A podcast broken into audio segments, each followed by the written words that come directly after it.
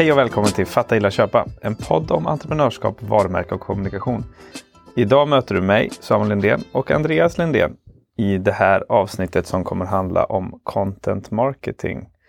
Som ju är content marketing, så det är lite grann metaperspektivet. Mm. Och jag bollar över den snabbt till dig Andreas. Vad är content marketing?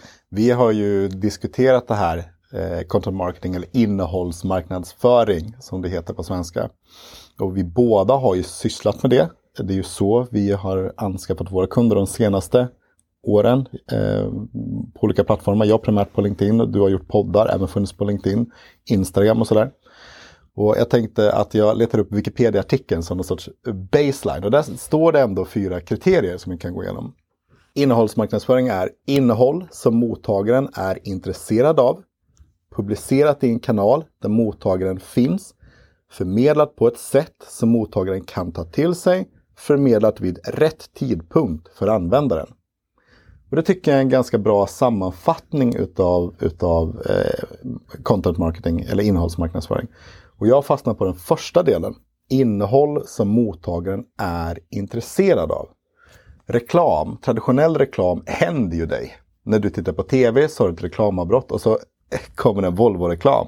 Och så hoppas vi att det liksom bygger varumärke, eller du tyckte bilen var snygg eller någonting.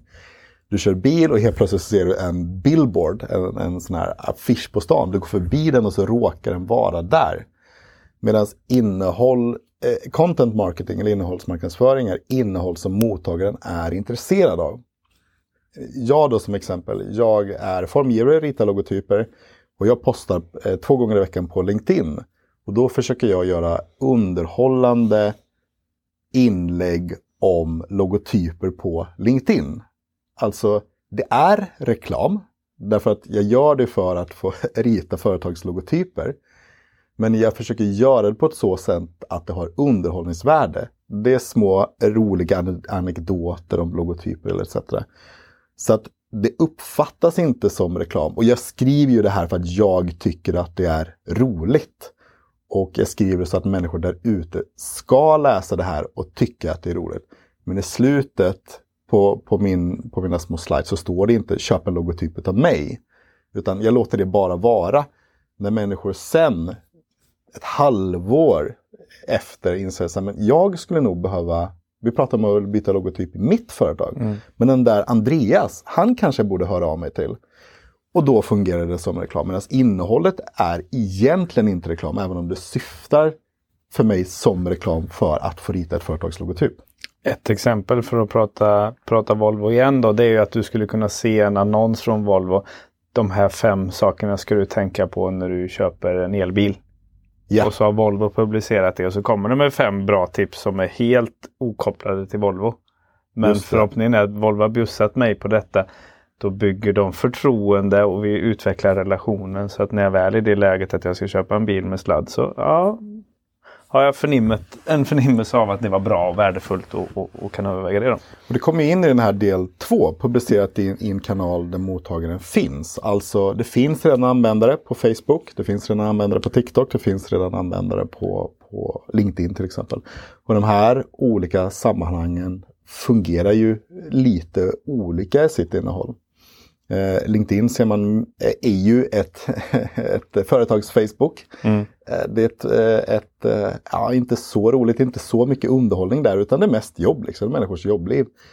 Medan TikTok till exempel, det är ju bara underhållning. Där vill man nästan inte alls se reklam. Det ska man förbi om det är för utstuderat reklam. Utan där vill jag konsumera människors roliga sketcher som de gör hemma i liksom, mm. med sin kamera.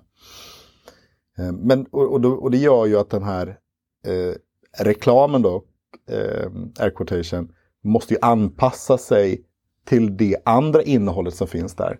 Nu är inte vi experter på TikTok, men ska man fungera på TikTok då kanske man måste höra av sig till någon som redan är stor på TikTok med en influencer marketing. För att kör du ut en Volvo-reklam på TikTok så kommer inte folk stanna kvar och titta. För de kommer gå till nästa roliga grej med någon som gör en sketch. Men får du någon som gör en rolig sketch med en Volvo-bil där den finns i bakgrunden eller någonting. Ja men då kan jag vara beredd att konsumera det. För då är det på mina villkor som tittar på. Jag är här på TikTok för underhållningsvärdet. Inte för att titta på reklam eller söka jobb som jag kanske är på LinkedIn. Så det är som, som alltid är upp till, till mottagaren att bestämma om det är ett bra innehåll eller bra reklam. Liksom. Det är väl ytterst få platser idag som man uppskattar reklamreklam. Det är väl på bio då. Brukar det alltid vara lite roligt att få se reklam. Vad roligt att du säger det liksom. För jag har också hört motsatsåsikten. Att är det inte konstigt när du betalar en dyr biljett att få gå på bio så är det reklam i början. Ja, men det är man ska hinna äta upp popcornen. Ja, exakt. Liksom. Så kan gå ut i pausen och köpa mer. Vilken paus. Ja, precis. Men den tredje delen här förmedlar på ett sätt som mottagaren kan ta till sig. Eh, det lite det jag pratade om förut, liksom, att anpassa det till plattformen. På TikTok, men då måste det vara underhållning. På LinkedIn så kan det vara mer allvarligt kunskapsbärande exempelvis. Um, och den fjärde delen förmedlar vid rätt tidpunkt för användaren. Den här är, är svår. Mm. Och det, det, man, det jag oftast löser det är bara med mängd. Jag postar två gånger i veckan. Därför att jag hörde någonstans eh, att någon måste ha sett dig tio gånger innan de väljer att skicka en kontaktförfrågan eller väljer att följa dig. Och då postar jag, och det, och det behöver inte bara vara alltid att du postar utan kanske att du kommenterar på någon annans post eller sådär.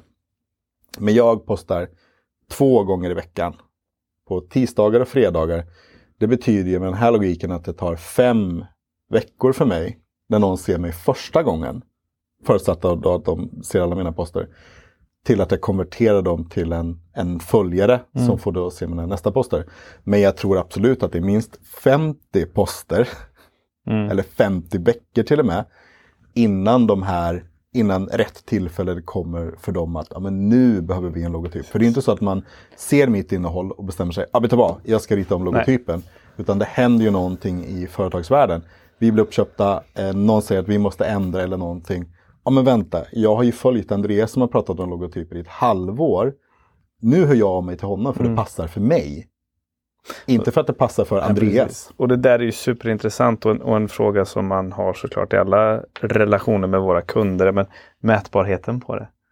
Ja, den, är, den, den, är lite svårare. Du kan självklart mäta klick och alltihopa. Du kan bygga upp infrastruktur där man fyller i formulär och mäter det och skapar följare, fans etc, etc. Men just det där köptillfället, givet att du och väldigt många andra skriver aldrig på slutet kom och köpa mig liksom. För att då, då känner man sig lur eller liksom. Ja men precis, ja. Då, då, är det då är reklam. Och då är jag, då är inte, jag, är inte här, jag är inte här för att konsumera reklam utan jag är här för att konsumera din roliga slide om, om, om logotyp. Men då är det också så här, den här uthålligheten, det värdet och, och, och sådär också. Det finns ju också du, den fjärde punkten är liksom för när användaren behöver den här informationen ska de få den. Liksom. Och därför kommer ju den här liksom livslängden på ditt content. Ditt LinkedIn-content har väldigt kort livslängd.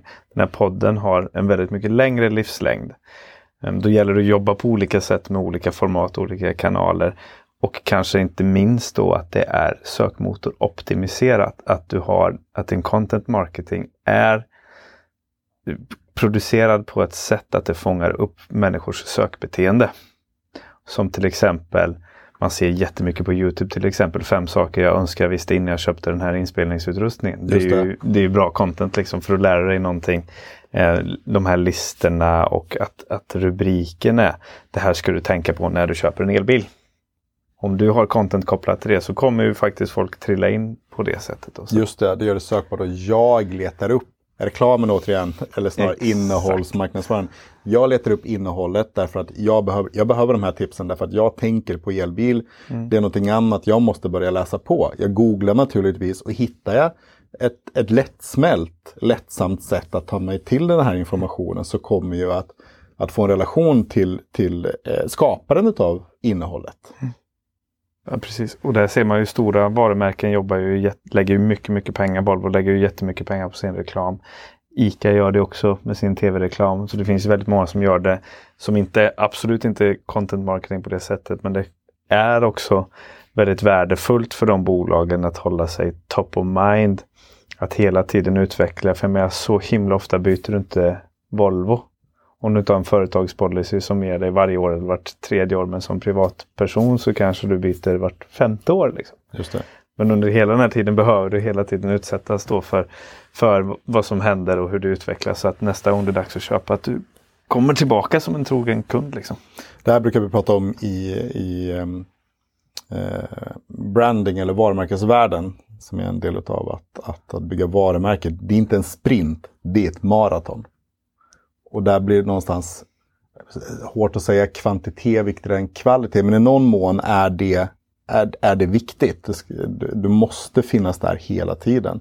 Och det är ju samma sak, de här stora varumärkena räknar ju på eh, interaktioner man har per dag. Det är antagligen så att du ser en Coca-Cola-logotyp mm. varje dag. Kanske flera gånger om dagen, för de finns överallt. De finns i, i tvn du tittar på, någon som dricker. De finns på, vilket eh, kanske upp i Facebook. Liksom. Så du får inte glömma bort att Coca-Cola finns. Och det är ju någon mån, nu är det här liksom varumärkeskännedom, men teorin är ändå detsamma och samma sak med content marketing. Mitt innehåll på LinkedIn, ja men det håller max i en vecka liksom. Mm. Jag måste posta två gånger i veckan för att vara relevant om ett halvår när du har ett behov att rita en logotyp. Det blir inte tydligare än så tror jag. Jag tror inte det. Tack för att eh, du har lyssnat på det här avsnittet. Vill du veta mer om vad vi gör så tycker jag att du ska spana in vår hemsida som heter relativt.se. Tusen tack och på återhörande. Tack, tack.